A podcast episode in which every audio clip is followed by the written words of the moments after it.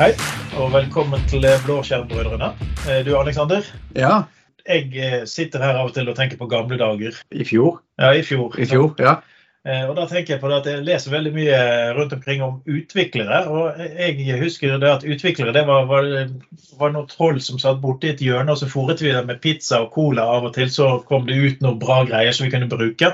Du vet at I gamle dager når jeg tenker på programmerere, så tenker jeg på eh, Hold Catch Fire-TV-serien og 80-tallet når de hacket bioskoder og sånt. Ja, sant? Ja. Ja. Men av av en eller annen grunn så har jeg oppdaget at disse eh, koderne de er så frekke at de faktisk vil ha forskjellige betegnelser. Er ikke en koder en koder? Så Det var kanskje en god grunn til at vi må få med oss noen som kan litt mer om dette enn oss. ja, så vi tok og ringte en eh, felles bekjent av oss gjennom MVP-programmet. Og velkommen til deg, Robert. Jo, takk, takk. Ja. Ja, Ja, du- utviklere. Ja. Er du en sånn som går på cola og pizza? Er det liksom nok, så kan du skrive hvilken som helst kode til oss?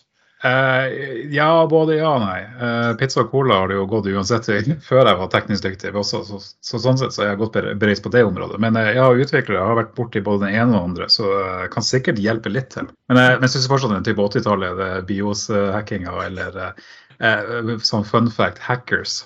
Filmen som heter bare Hackers, er Mm. faktisk en av mine favorittfilmer. Den er dritdårlig, men det er, utrolig artig. Av en eller annen grunn så slår IT-nerder et slag for stereotypien sin. Filmen kan være dårlig, men bare fordi at han omhandler IT, så må du se den. Eh, masse masse eh, fremtidsretta IT med, med gamle maskiner og eh, 256 farger osv. Det, er det er dritkult. Det, det er noe å se på hvis man har lyst til å få seg en god, en god filmopplevelse. Jeg jeg så en gang en TV-serie hvor eh, de måtte defragmentere CD-platen, og da fant de koden som lå i bunn. Så, det, det syns jeg var helt fantastisk. Det, det er godt, gjort, da. He, helt innafor. Ja. So much wrong. Ja. Men, men hvis vi skal begynne å snakke om eh, ut, utviklere, hvordan, hvordan kan vi dele dem opp i, i kategorier og leirer? For du hører jo veldig mye om forskjellige fulle utviklere og stekkede utviklere og, og alt mulig rart. Så, så, så hva har vi egentlig som en grei måte å kategorisere inn dette på? Altså, eh, først, eh, først så var det kanskje litt lettere, men men nå og med tanke på at utviklere også begynner å strekke seg inn i, i arkitektur, eh, altså infrastruktur og alle de liksom. Alle er utviklere nå. Jeg er rimelig sikker på at om ikke så altfor mange år så er stort sett de fleste aktivt i utvikling, og ikke bare sitter og liksom peker og trykker på ting. Så, så nå i dag så det jo, er det jo enda verre enn det var for ikke så altfor lenge siden. Men eh, de, de vanligste kategoriene man har eh, sånn bare, bare veldig overordna, er jo, eh, er jo backend-utviklere, den som tar seg av backend, rart det der. Eh, og front-end-utviklere, den som tar seg av front-end. Og så kalles det fullstack, den som er liksom på kryss og tvers og tar seg av hele stacken. Uh, Det er de, det, det er de som fikk pizzaen og colaen. Ja. Det, det er dem som har altfor mye å gjøre. Eh, Så Det er jo faktisk en ting som går der ute at det, ingen burde være fullstack, men, men igjen, ikke sant, smaken er som baken. og Jeg mener jo det at man må jo få lov til å holde på med det man vil. og Er man i et veldig lite team som lager en veldig liten ting, så ja, så kan man jo holde på med litt, eh, litt fronten og liksom nettsideting, men også litt sånn den business logicen i bakkant. ikke sant, så så lenge man ikke blir overarbeida. Og det er jo det, det er veldig mange fullstack-utviklere blir. Blir overarbeida. For da må man gjøre alt. Absolutt alt. Ja, så, så det er egentlig om å finne ut når det gjelder å si nei. Ja, det er vel kanskje en sånn gjenganger i IT generelt. Eh, Det er veldig greit å klare å si nei til ting. Men, eh, men Ja, du, Så kan iPhone, kan ikke du hjelpe meg med bilen? Mm. Ja. det er jo Det- sånn. Ja.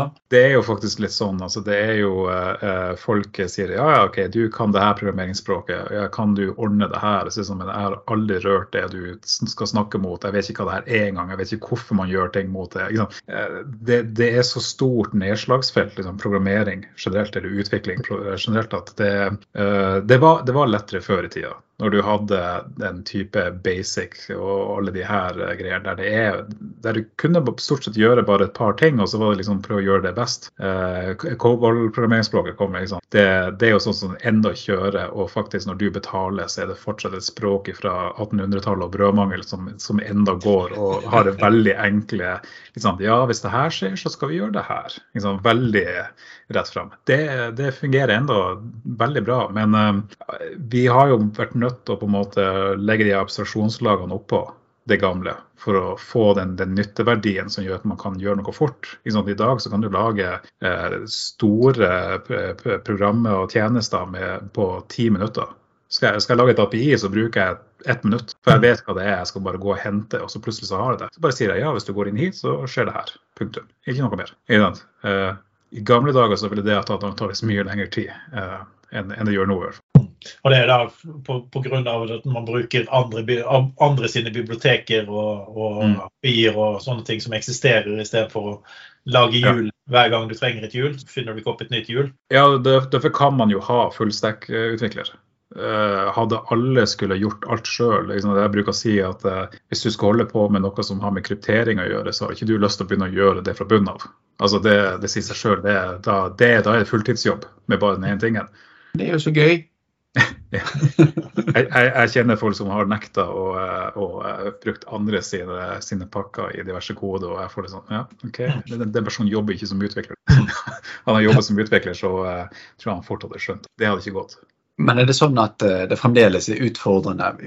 Altså GitHub har jo blitt både en samhandlingsplattform og litt sånn forskjellige ting for koder og utviklere og, og sånn. Ja.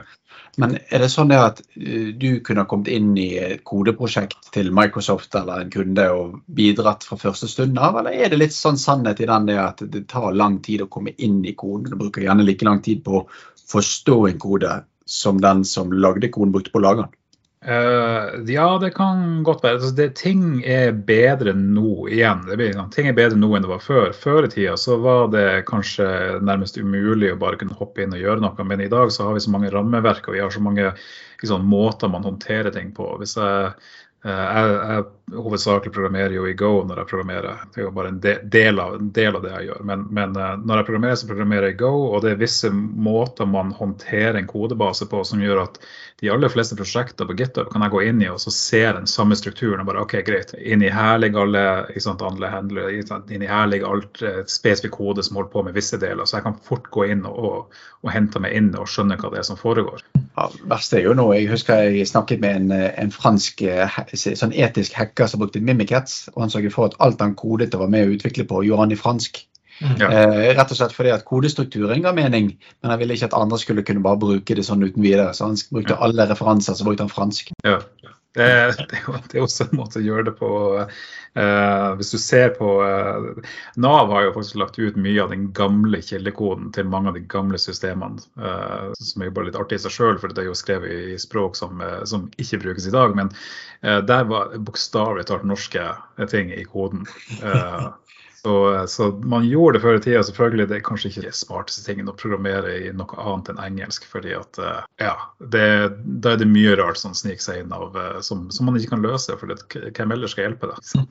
Men, men, det jeg hører her, det er jo det at i min, min, tid som utvikler, så lagde jo jeg et kickass-system i Turbo Pascal for å ha oversikt over alle fire CD-ene jeg hadde på den tiden. Ja. Så du sier at den kildekoden den kan være gull verdt i disse dager, er det det du sier? Ja, det er garantert garantert masse systemer som kjører på turboskall ennå, dessverre. Uh, ja, dessverre ikke. Noen av de tingene har bare, fungerer bare. Uh, som sagt, igjen gå tilbake til Cobalt. Det er jo Banksystemene i verden kjører på ekstremt gammel kode.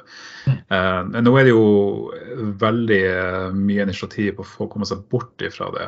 og nye banker Eh, vet, jeg vet det er mange banker som har eh, oppstart de siste la oss si, ti årene som er ute. Hvis du søker på YouTube etter liksom, programmering og, og, bank, så er det noen av dem som kommer opp. og De har laga moderne eh, mikrotjenestearkitektur, men i bankverden. Og til og med dem må jo De starter helt fra scratch og har ingen grunnlag for å bruke noen av de gamle tingene. Men til og med dem må drive og lage oversettere, for de er nødt til å snakke med andre systemer. Som ja, igjen bruker det her. Vi har jo sett det, vi lagde jo Bulderbank sant, på veldig ja. kort tid, og en total moderne og helt nytt. Sant? Men ja. allikevel skal jo kommunisere med noe i bakkant som ikke er fullt like oppdatert. Sant? Vi har jo fantastiske eksempler på legejournalapplikasjoner der man har eh, hardkodet printere til disse matriseprinterne som var rundt omkring på legekontorene. Så de er hardkodet mot én standardprinter, og så må man eh, skrive rundt det for å få det til å funke på nyere i dag. Ja, jeg så, så, klart, Det er jo greit å komme seg bort fra, fra det gamle, men, men, eh, men, eh, det er ikke alltid det går. Eh, men heldigvis i moderne verden nå, så er stort sett så lager noen en eller annen form for pakke som kan snakke mot det her. Så kan det være at du allerede bare, det kanskje bare ligger ute på GitHub. Det er jo En av fordelene med GitHub det er jo et stort sosialt nettverk for kode. Du kan gå både hente ting du kan bruke, men også inspirasjon til, til mye av de tingene man holder på med sjøl derifra. Man ja, det, det, vi, vi, har jo snakket om det tidligere om det når det gjelder dokumentasjon. og jeg vil jo si at uh, Utviklere har en stor fordel kontra det vi kaller IT-pro. da, men at utviklere så vil en, en, del av dokumentasjonen er jo koden i seg selv. Eh, men i tillegg så har du også et sted hvor det er lett å legge inn et kommentarfelt hvis det er noe som bør kommenteres. Eh, det er jo ikke så lett for, for andre enn utviklerne, for det, dere har jo faktisk ark hvor det står ting i som kan lagres og tas vare på. Så, det, der er jo den moderne som jeg sier, Alt nå er for tida begynner å gå mot det at man holder på med utvikling. Sånn DevOps-bevegelsen eh, som da tar eh, inn eh, mye av utviklingsstrategiene eh, eh og, og, og, prosessene inn i, i oppsverden. Um, infrastruktur som kode, f.eks. Når, når jeg skal få opp noe i Asher, så sitter ikke jeg og trykker i portalen. Jeg sitter og skriver Terraform. Mm. som da kan gjenbrukes. og uh, Den brukes som dokumentasjon på hvordan ting er satt opp. Ja, sant? Da har du dokumentasjon i, i, i, koden som blir brukt til å aktivisere, ja. istedenfor at du må sitte og skrive ditt enkeltleddene du gjør. Ja. Ja. Men vi har jo gjort det sånn, altså, vi hører jo dette om lær kidsa koding. og Man skal jo få folk ned i barnehagealder til å altså, kode av forskjellige sorter. Da. Og Er det egentlig greit å gi de så kraftige funksjoner uten at de forstår hva konsekvensene kan være? Ja, jeg tror noe mer de type initiativene er jo der fordi at vi ser jo det at uh, oppe i litt høyere alder, så har vi jo et uh, problem med at vi har ikke nok folk innenfor IT. Vi, vi, vi, skulle gjerne kunne dobla hvem som jobber med IT i Norge, og likevel så hadde vi sikkert ikke hatt nok. Um, så uh, der er jo, har vi jo sånn evigvarende, og det er et globalt problem. Ikke sant? Vi har ikke nok IT-folk generelt. Uh, og i hvert fall ikke utvikling. For utvikling tror jeg veldig mange enda sitter og ser på som en, en veldig vanskelig ting. Det er liksom, du, du, må være, du må være geni for å kunne holde på med å programmere. Uh, jeg... Hørte du det, Olav? Du er et geni. Ja, du ja. på Pascal. Ja, ja på Pascal. Ja, var mer geni der enn noe annet. Nei, um, så, og det er jo en av grunnene Når jeg begynte å skulle lære meg det her originalt, så hadde jeg litt problemer. Det var ikke så mange kilder å finne ut av ting liksom, når jeg var la oss si 10-15 år. en plass der. Og når jeg da senere skulle ta noen avgjørelse på hvor jeg skulle gå på skole, uh, det endte jo opp med at jeg ikke gikk på skole, da, så kan du si hvor, hvor lett det var. Uh, alt som hadde med programmering og sånt å gjøre, var liksom, ja, man må ha masse matte, man må, være, man må ha de ingeniørtingene. Men jeg har ikke gjort en eneste matematikkregel noensinne i programmering. Og jeg klarer meg ganske greit. Du trenger ikke de tingene som folk tror man trenger, for de kommer liksom fra den gamle, tradisjonelle ingeniørgreia. Og jeg tror litt av tingene som sånn, lærer kids å kode, alle de her, er bare for å få dem inn i det at det er ikke så vanskelig å programmere, egentlig. Det er egentlig ganske enkelt. Det er bare tekst. Um, så starter man tidlig og får dem til å skjønne det, så kanskje de velger den retninga når de kommer litt senere ut i det. Og vi, som sagt, vi trenger de folkene. men, men, ligger det der noe sånn forskjell mellom frontend og backend, da? Hvis vi tar de to mm. som separate ting. Er det, er, det, er det, en lettere terskel å komme inn på frontend-utvikling, uh, eller er det bedre å komme inn på backend for å skjønne hvordan systemene fungerer i uh, litt dypere nivå? Det tror jeg er veldig individuelt. Uh, personlig uh, så er det mye lettere for meg med backend. Og det er bare fordi at eh, måten man da når tak i den backen er jo stort sett API. Så liksom, det er liksom det, vi har ut mot den andre. Og så er det en eller annen form for logikk som skjer inni, liksom, så blir det levert ut. Liksom. For meg så er det veldig, veldig enkelt og greit. Jeg må kanskje kaste noe inn i en database, må kanskje gjøre osv. Uh, Frontend så er det for det første utrolig mye forskjellige typer rammeverk som man kan bruke til det. Og så kommer jo den, hele den, den grafiske delen inn også. Eh, det kan være relativt enkelt å komme i gang nå i disse dager, men du, du trenger fortsatt å, å, sette deg inn i hva som er, eh, hva som er liksom, funksjonelt. Hva som, vi, vi, har jo, vi, har jo, universell utforming som, som lov her i Norge. Det, det, det, er masse ting å sette seg inn i. Mens på backend-sida, så lenge noen kommer inn på API og sier hei, kan jeg få en ting, så sier de bare ja, ja, her er noe greier. Og så trenger du ikke tenke så mye på det. selvfølgelig. Greit å ha litt, eh, litt styr på, på sysakene der, men, men det, er liksom, det er ikke så mye som må tenkes på, føler jeg, på frontend. Um, frontend de vil kanskje ofte samarbeide med UX, de, altså, uh, ja. UX-designere for å få ja. Uh, ja. Og eh, det, det, som jeg synes er litt rart, er at eh, det viser seg til, så vidt jeg klarer å si, at eh, ofte så er frontend-utviklere mindre betalt enn backend-utviklere. Eh, Det er kanskje noe med det at det er kanskje sånn kodemessig kanskje lettere å komme inn på frontend-sida enn det er på backend-sida. Eh, men sånn, for meg personlig så er det mye ting som skjer på frontend som jeg ikke har lyst til å begynne å lære meg og sette meg inn i. Det, det jeg snakker med masse frontend-utviklere på, eh, eh, på, nett, og det er mye de må tenke på som jeg ikke trenger å, å bry meg om. Jeg trenger bare å ha et API som noen kan nå, og så kan noen andre håndtere hvordan det ser ut på andre sida. Det gjør meg ingenting. Mm. Men jeg ville jo sagt at sånn Tradisjonelt sett så ville man sagt at uh, Eh, fronten ville endre seg oftere pga. at det forventes at det ser bedre ut, det fungerer bedre funksjonaliteter og sånne type ting. Mm. Eh, mens backend det var mer statisk. Men med alt som skjer med API-ene og DLL-ene, bibliotekene nå, så, så, er det jo ingen av disse stedene som er statisk lenger. Alt er jo rimelig dynamisk hele tiden. Det, det, flotte med backend er jo det at så lenge API, altså så lenge det er samme endepunkt og så lenge det forventer det samme og du kan sende den samme informasjonen inn, så kan du skifte alt som skjer i bakkant uten at det har noe å si for den som bruker denne backend. Uh, og der er det jo mye i forhold til API-versjonering og sånne her type ting som gjør at det blir litt tryggere. Vi endrer ikke helt på hvordan et API fungerer uten at det er en ny versjon av API-et, f.eks. Du kan jo ta ja, du kan jo ta og løfte ut av hele motoren i en bil og sette ned en helt ny motor, men du har ikke gjort en eneste ting med bilen. Nei. Så Men, folk har altså, fortsatt dratt på pedalene sånn som det var. Jeg syns det høres ut som du har en back-and-back-and-developer. Som lager det som du kaller opp? Ja, kan jo være det. Og det er jo mye som sagt gjenbruk av kode. ikke sant? Det er noen som har laget, Hvis jeg skal snakke om en database, så lager jo ikke jeg den interaksjonen mot databasen. Jeg henter inn en pakke. Uh, som, uh, som, er laga for å snakke mot uh, diverse databaser. Så det, du, har, du har den liksom stille, den, den, type middleware developer, hva du har lyst til å kalle det for, dem som faktisk utvikler de her. F.eks. Mot, mot en database kan det være en type driver som gjør at du kan, du kan koble til med veldig enkelt. Noen må jo håndtere det òg. Og det finnes dem som faktisk jobber kun med den delen av det her. Men som med alt annet, eh, du, du har fullstack, du har eh, backend, du har frontend, du har middleware, du har folk som kun holder på med CLI-verktøy. Folk som kun holder på med automasjonsverktøy, som Terraform f.eks. Det er jo et CLI-verktøy som gjør automasjon mot et API. Det er alt det jeg gjør. Og du kan ha fulltidsjobb med å bare utvikle Terraform, som mange har sin det er et selskap som, som faktisk har det. Um, og uh, de jobber ikke mot noe som har med web-greier å gjøre, egentlig. De, de konsumerer API. Det, er det de gjør. Uh, og, og, men i seg sjøl er det bare CLI-verktøy. Hele greia er bare CLI-verktøy. Så det finnes veldig mange uh, bruker å si det, du, du, har, jo, du har jo potetfolk, folk som er, kan brukes til alt. Men igjen så kan du jo bruke det i mange forskjellige retter.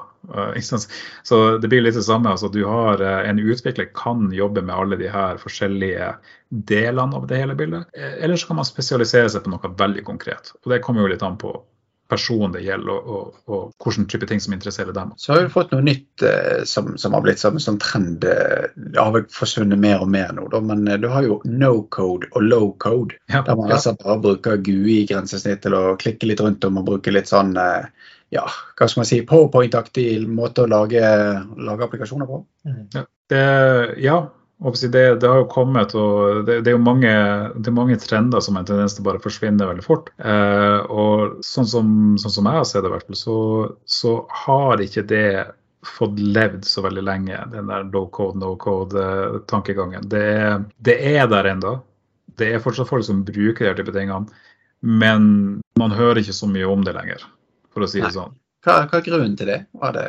Nei, altså det er jo ehm, Hva skal jeg si? Det er begrensa hva man kan uh, hva man kan få utretta med sånne typer teknologier, annet enn det hvem enn det er som har utvikla det, bestemmer. Um, og jeg tror at eh, det, det, er en helt kurant måte å gi et verktøy til noen som ikke kan utvikle, og så kan man si vet du hva, du finner ut hvordan du vil at ting skal henge i lag. Og Det finnes det masse verktøyer. Det finnes masse automasjonsverktøy som egentlig er det. det Hvis, du, hvis det her kommer inn på e-post, så skal jeg gå til det her og gjøre Alle de der type tingene. Eh, å begynne å kalle det for utvikling, det, da begynner du å strekke den litt langt. Fordi at man, man tar eh, Det er jo samme som å si at de, noen som sitter og holder på med, med, med legoklosser, er arkitekter. Det er alltid noen som er på det nivået. De jobber oftest hos Lego. Men det er jo, det er jo ti av dem liksom, i hele verden. Det, det, betyr ikke at det er en plass man kan, man kan satse stort på og få massevis av profesjonelle til å jobbe med det. Jeg skulle håpe at det var en egen tittel som het Fullt utviklet. Fullt utviklet, ja. ja, ja. Men, du ser jo det med altså Power-apps er jo et eksempel på low-code, no-code-konseptet. og det, det, man ofte ser når man først begynner der, så er det veldig lett å komme i gang med no-code. Og så går det ganske fort opp uh, over i low-code, og så går det over til at her må det enda mer code. Sant? Så, så det, det, er liksom, ja, du kan starte på noe. Og det er det, det, jeg tror som er forbannelsen på den, den måten. Og det er at du, du må du kan komme i gang med noe, men det er bare 30 godt nok. Og så må du jobbe deg ganske heftig oppover når du, når du først setter i gang. da. Til slutt så har du egentlig bare, Det du har gjort med, med low code eller no code, er egentlig bare å lage en form for prototype på noe som du senere skal ta og gjøre bra i kode. Mm. Eh, og ha det som liksom endemål, at man skal kun holde på med, med type Power Automate. Så igjen, det blir å strekke det litt så så, så, tynt at det er ikke det er ikke noe igjen av det til slutt. Ja. Det blir liksom historien til frontpage til Microsoft. Hæ? Ja, historie? Front, frontpage som kom, så var det jo for å lage en webside effektivt. sant? Eh, og så fungerte det greit nok, men så fant man ut at det, det, blir ikke helt godt nok. Så da måtte du gå inn og så prøve å skrive noe inn i det. Men det var ikke mulig, for det var proprietært. Sånn, så du klarte ikke å gjøre noe i frontpage. Så når frontpage endelig ble godt nok, så var det jo en ren HTML-editor. Og det var vel aldri egentlig godt nok, da. Men du så at de, de, må, de måtte gjøre det sånn at uh, det, de hadde egentlig ikke sin misjon lenger. Men, men det, det, var jo veldig flott å lage frontpage-sidene. Det så bra ut med en gang. Og så fant du ut ja, skulle ikke den knappen gjort det og det det skjedde der og det skjedde der. Ja, men det er ikke mulig. Ja, men det går ikke an å skrive inn mer enn et par linjekoder innimellom noe du ikke vet hvor det lander. Ja. En annen ting, eh, og det, og det, husker jeg fra den gang jeg, jeg lagde et eh, lite kodestykke i, i, Java.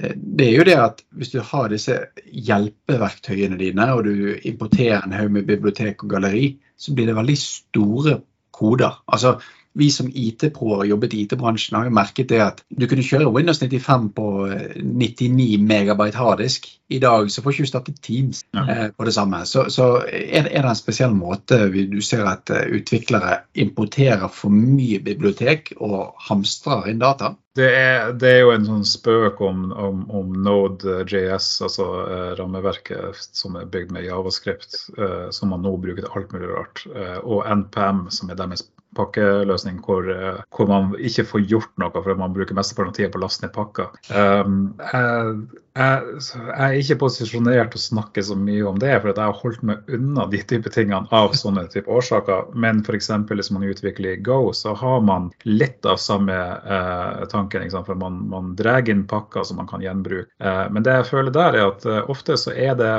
eh, Go er designet til å være en veldig sånn lett Det, det er bare én måte å loope over kode. Det er en for det er alt du har. Du har ikke while og du har ikke de her type tingene. Du kan bare skrive om for til å gjøre akkurat det samme. Så hvorfor ha flere?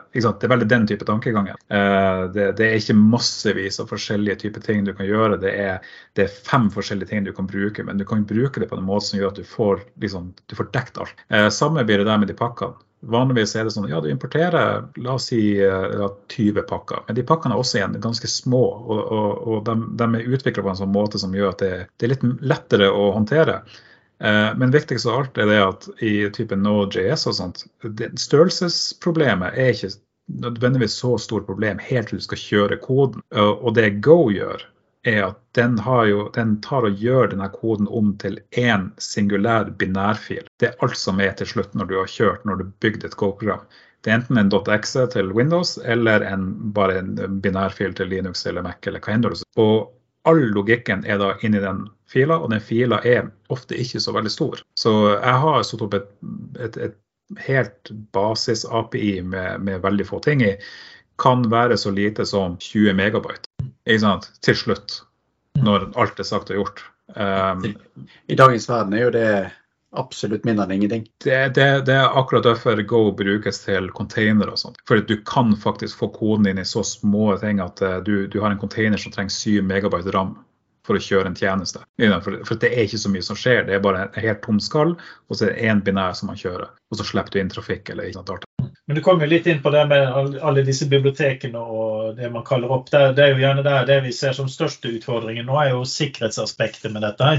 At du har noe som kjører spesifikke versjoner av spesifikke API-er eller, Ja. eh, eller DLL-ere som gjør at man, eller libraries da, som gjør at man eh, blir usikker pga. at du, brukte, eh, du bruker feil versjon av noe gammelt. Og det er vanskelig å oppdatere for, for veldig mange. Ja, og der er det, er masse støtteverktøy som har dukket opp. Altså, du har alt ifra eh, Hele tanken med alt som foregår nå, er jo at du skal, eh, som det heter så fint, shift left. Altså at du skal få mest mulig tidligere i prosessen. Eh, og der har du også det med, med statisk kodeanalyse og, og, og den type dependency check.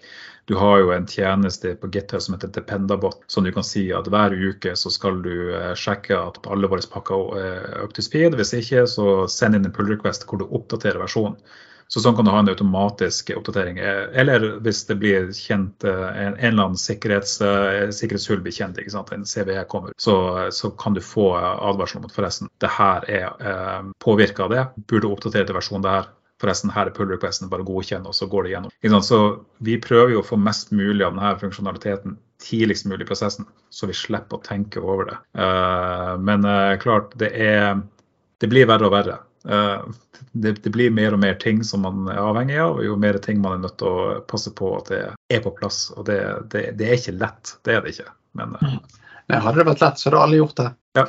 Hadde det hadde vært lett, så hadde alle gjort det sikkert. Og det er jo definitivt ikke sant. Så, Ja, men Det er jo eh, ganske bra innsikt i noe her, eh, Aleksander. Ja, jeg vet i hvert fall det at neste gang vi snakker med Robert, så skal vi ha med pizza og cola. Ja, ikke sant? Ja. det er helt greit. Det er, sånn, det er en generell Så det fungerer fortsatt. Det er i hvert fall bra å vite at det er noe som overlever i Ja. trendene. sant? ja. Hver, hver gang vi har fagsamling, så er det jo pizza og, og rus. Uh, og hvis det går sent nok, så kanskje noe øl. Eh, for nå er vi jo blitt voksne, så det er jo ikke bare, det ikke bare pizza og brus det går i. Nå må ha litt øl også. Eh, klart, kvaliteten blir jo litt verre utpå kvelden. Eh, Han, han blir bedre opp til et visst punkt hvor han plutselig begynner å bli dårligere. Det er akkurat som når du bowler. De Ja. tre-fire første ølene gjør deg en bedre avslappet bowler, men Ja. den ene for mye gjør deg mye verre. det, sånn er det generelt. Det var også når jeg spilte, spilte i band. Eh, Ja, sant? par, et par pils før man gikk på, det var greit. Men hvis det ble for mye mens man var på scenen, så, eh, så ble det mye tull. Eh, rart Du tror du er bra. Ja, det var kjempebra. Ja, Eh, helt til man ser noe opptak, og så tenker man ja, OK. Ja. Mm. Men da har vi lært oss noe, vi da, Aleksander. Du skal bli utvikler, har vi skjønt? ja, jeg skal i hvert fall utvikle meg til å bli en utvikler. Ja, Du være en fullstendig utviklet utvikler. Fullstendig utviklet Ja. utvikler. Som sagt, eh, her er alle er hjertelig velkommen, uansett om det er front-end eller back-end eller hva enn det er. Men eh, også hvis du holder på med generell eh, IT-ops, eller hva enn man skal kalle det for i disse dager, så, så driver vi og utvikler ting både her og der. Delte verktøy, selve infrastrukturen er også kode. Alt er kode. Men kanskje hvis du skulle avslutte, er, er, det, er det et eller annet tips du kan si for eh, hvor, hvor vil jeg ha begynt? Altså Vil jeg kjøpt meg et legosett og begynt å programmere der, eller ville vil jeg gått for noe eh, altså hvor, kan man komme i gang på en enkel og grei måte for å finne ut om dette er noe for, eh, som vi hadde likt? Det er et veldig vanskelig spørsmål, fordi jeg brukte veldig mange år før jeg klarte å skjønne konseptene. Eh, måten jeg begynte å skjønne de her utviklingskonseptene på, kom faktisk via PowerShell. Eh, for det var en veldig lett måte. altså Det er jo et skriptespråk. Liksom, så En PowerShell-fil kan jo være tre linjer, og så har du fått til noe. Men så begynte det liksom å balle seg på, og til slutt så hadde man jo fullverdige PowerShell-moduler som gjorde alt mulig rart. eh, og Man måtte følge standarder, og man måtte utvikle det med å ha det i Git og, og så kjøre. Liksom. Så det ble liksom, det bare pakka seg på. Men jeg tror de aller fleste i dag eh, ender opp med å starte antageligvis med språk sånn som Python. For det er, det, det, den følger en viss standard som på en måte gjenspeiles i alle andre språk, men så er han veldig enkel av seg i bunn og grunn. Um, jeg ville jo sagt det at Python har, eh, har, eh, har mye Hvis du begynner å søke på Python, så er det masse historikk. Det er masse ting som strengt talt liksom ikke følger de standardene man skulle tro. eh, det gjør, eh, og ting som har endra seg i løpet av de, de x antall årene som Python har vært et aktivt brukt språk. Så noe sånt som Go, som er mye nyere, og også går etter å prøve å være et lett språk å forstå. Det, det, det har ikke så mange ting i seg.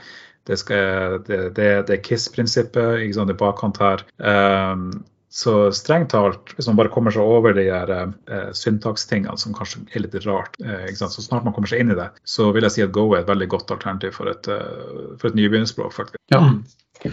Nei, men Det hørtes godt ut. og For vi som har snublet innom Java, så er jo ikke det så veldig stort arbeid å konvertere til Python. Men um, mm.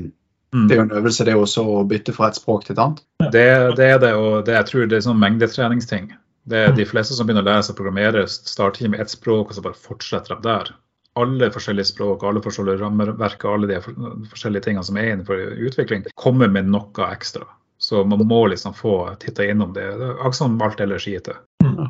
Kan, kan jeg bare nevne for de som da fant ut at dette her vil vi følge opp og lære mer av. Siden når vi begynte å snakke om Python her, så googlet jeg og sjekket ut på, på Microsoft uh, Learn. Uh, og der har de Introduction to Python, som er en enkel og greit 16 minutters 8 moduler eller noe sånt. Hvor du avslutter med å bygge en kalkulator.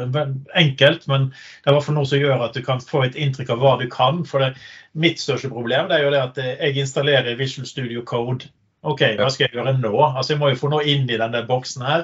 Sant? Så det er det å kunne få eksempler og noe du kan jobbe med. Sant? Så da, da er jo Learn-siden til Microsoft er jo helt fantastisk for å få seg eksempler, skripteksempler, kodeeksempler osv. Ja. Jeg må bare springe litt videre, for jeg må ut og oppdatere CV-en min og lære litt Python. Ja, altså Om 16 minutter så skal jeg oppdatere min eh, også, for da kan jeg programmere i Python. og Det er sikkert mange firmaer som har behov for kalkulatorer. Ja, det, det, det tror jeg hører fint hjemme hos, hos de fleste. ja. Nei, men det var godt, Robert. Ja, men det er kjekt du tok deg tid for oss. Ha det godt. Ha det godt.